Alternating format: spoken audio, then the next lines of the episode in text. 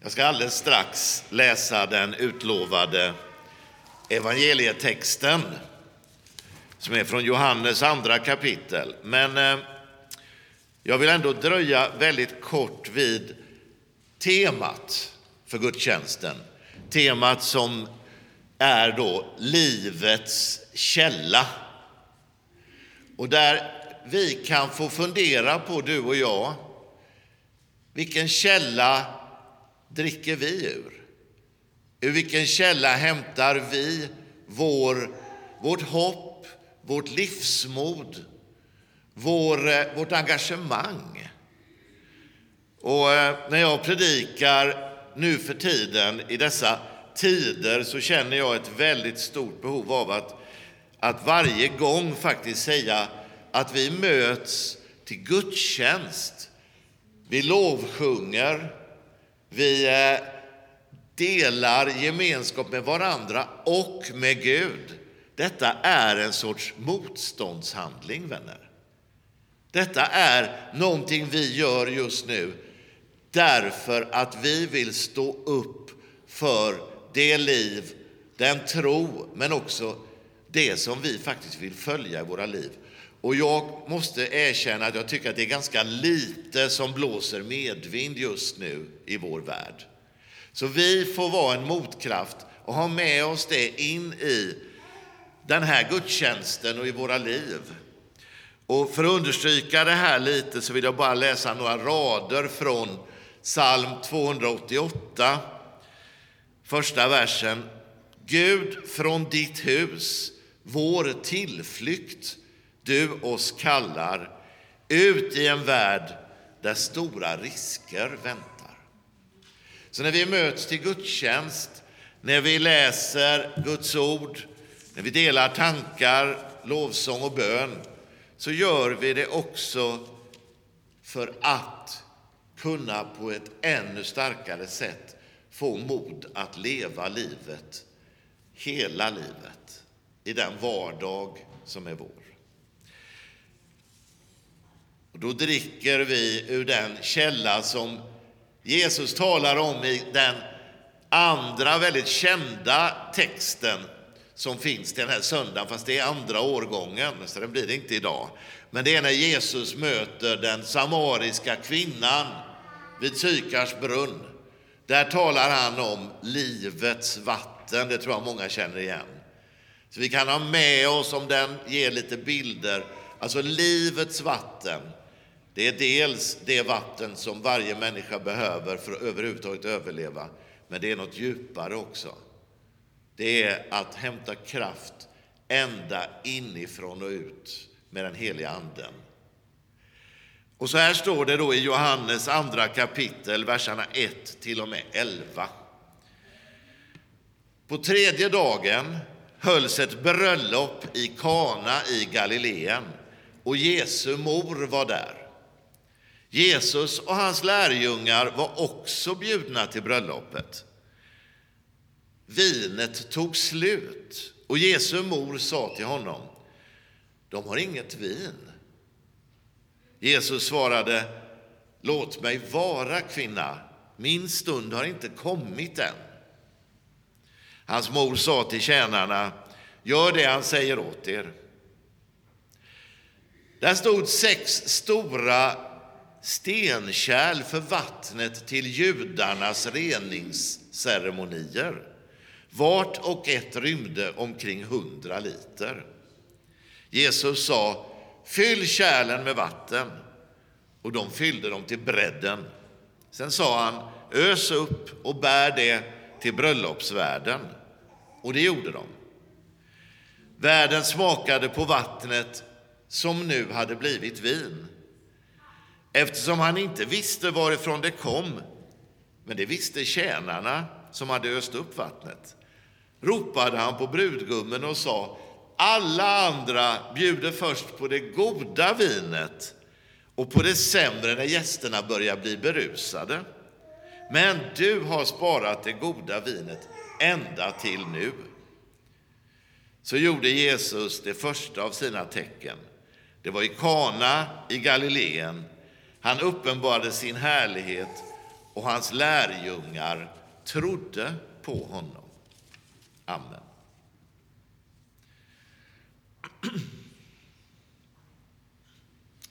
Bara så att vi har förutsättningarna klara för oss. Det här är ett verkligt bröllop. Det är många gäster säkert, men vi får veta ganska noga att Maria är där, Jesu mor, att Jesus är där, att lärjungarna, hans närmaste, är där. Kanske är det till och med en närstående som gifter sig. Det är en stor och viktig stund, precis som ett bröllop ska vara. Det är riktigt vin. Och det här tycker jag är lite bra att bara understryka, därför att man drack vin på den här tiden. Jag som har växt upp i den här församlingen och i frikyrkan, där var det här rätt jobbigt, så de flesta predikningar jag har hört om det här har ansträngt sig till det yttersta för att hoppa över det. Jag hörde att du sa dryck där Per, det var väldigt fint. Men, ja, barnen var här, ja just det. Det är, ja, det är riktigt vin. Sen kan man diskutera hur mycket man spädde det och så vidare. Men bara så att vi är överens om, det är riktigt vin, det är ett riktigt bröllop, det är riktiga bamsiga stenkärl. Kan ni se de sex stå här? Hundra liter, vad blir det? Alltså så här någonting va? Ös upp bara. Och alla blir glada och festen är räddad. Visst, vi kan eh, göra om det här rakt av till festen är kommen, Jesus har kommit in, Messias är här och i allra värsta fall skulle vi kunna ramla in i det att festen är i himlen. Och det vill jag gärna understryka, och det här kallar jag för eskapism. Man skulle kunna översätta det ungefär med verklighetsflykt. Och eftersom jag började med att läsa detta, Gud från ditt hus, vår tillflykt, du oss kallar. Alltså, Gud kallar inte oss att mötas här i gudstjänst och låtsas om som att det inte händer någonting utanför här. Utan tvärtom. Ut och lev, ut och verka bland människor, bland dem som behöver oss allra mest. Och jag menar, det behöver man inte säga egentligen i en sån här samling, va? där det pågår hela människan, det pågår insamlingar till internationellt arbete, det finns engagemang för flyktingar och så vidare. Va? Men ute i samhället nu så är detta mycket märkliga saker. Så eh, hela tiden när vi också möter de här texterna, låt oss komma ihåg att Gud vill närmast tvinga oss till medvetenhet om att vi lever här och nu och vi är satta att verka i den tid vi finns. Då gör vi Guds vilja. Så jag, jag har funderat så mycket över det här som också är slutet på den här texten, att eh, hans lärjungar trodde på honom. Och hur är det med dig och mig? Tror vi på honom? Och i så fall, vad betyder det? På vem tror vi? Och då är det faktiskt så att vi, vi befinner oss ju faktiskt den andra söndagen efter trettondagen. Så att i någon mening kan man faktiskt säga att hela vägen här nu, några söndagar till, så befinner vi oss på något sätt i juletid. Och jag tycker att det är väldigt käckt att ändå knyta an till det. Därför att när vi möts på julafton, är det fortfarande sån här midnattsgudstjänst här? Ja.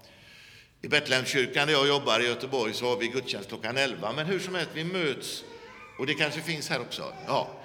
Vi, vi, vi möts till gudstjänst mitt i julen och vi sjunger alla de här goda sångerna om barnet som föds. Och idag har vi sjungit i psalm 15 om detta. Va? Det är ett riktigt barn. Och en hel del som är här, särskilt de som är kvinnor eh, och har fött barn, kan leva sig in i vad detta innebär bättre än de av oss som inte har gjort det. Alltså ett barn föds till världen med födslovåndor och i en högst osäker situation. Och då blir det här med stallet och alltihopa. Va? Men det här kallas med ett finare ord.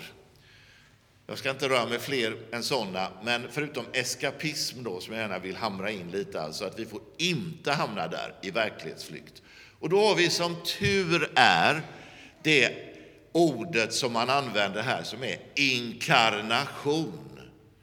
Och vad betyder det då? Det betyder att framträda i kroppslig form. Eller Gud föds som ett värnlöst barn till vår värld. Och det måste vi smaka på gång på gång. Detta är grunden till att vi kan tro. Att Gud bryr sig så mycket om sin skapelse, om dig och mig, så att Gud till och med låter sig födas in i vår värld för att dela våra villkor. Och det här säger vi till varandra emellanåt, men jag tror inte att vi kanske låter det sjunka in fullt ut. För att det här handlar alltså om att skapelsen, livet, undret som du började prata om Per, det är att vi finns här du och jag. Vi finns här som hans älskade barn och vi kan lita på att Gud förstår hur svårt det är att vara människa. För det är det. Det är oerhört svårt.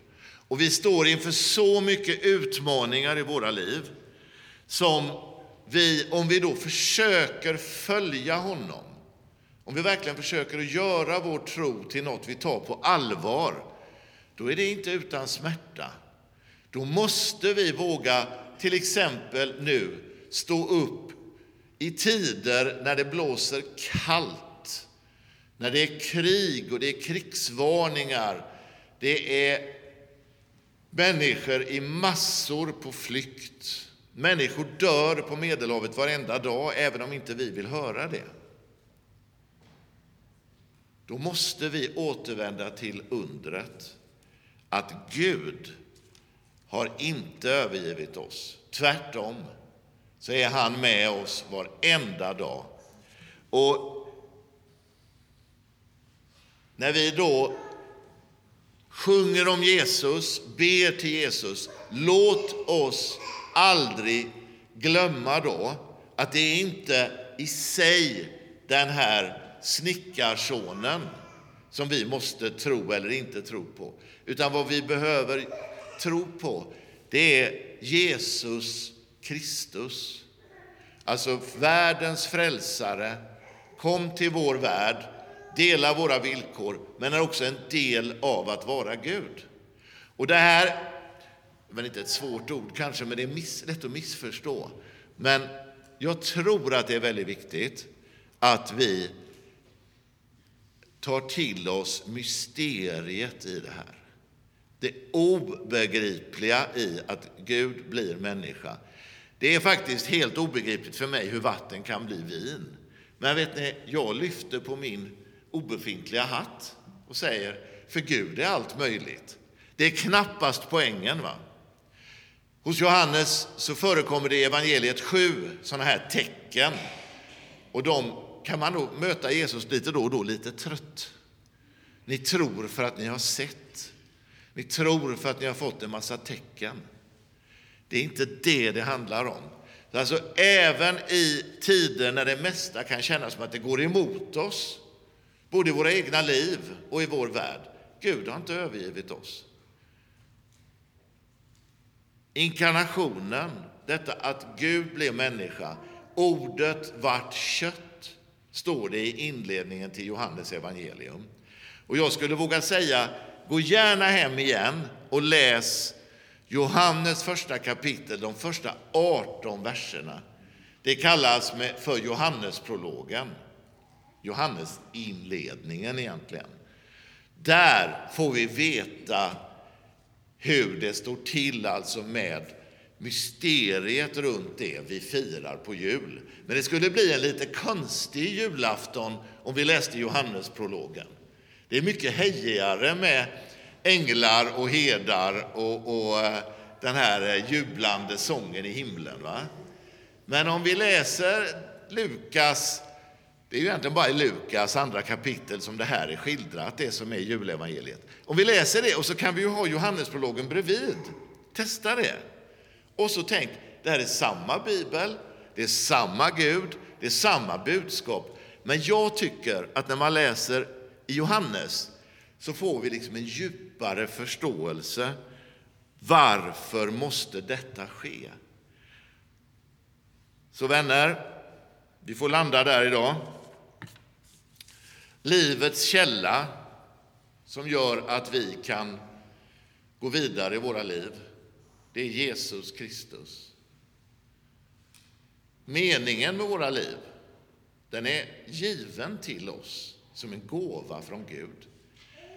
Vi kan aldrig prestera någon sorts värde eller mening, utan vi får bara ta emot det som en gåva. Och den gåvan, den är som det godaste vin. Amen.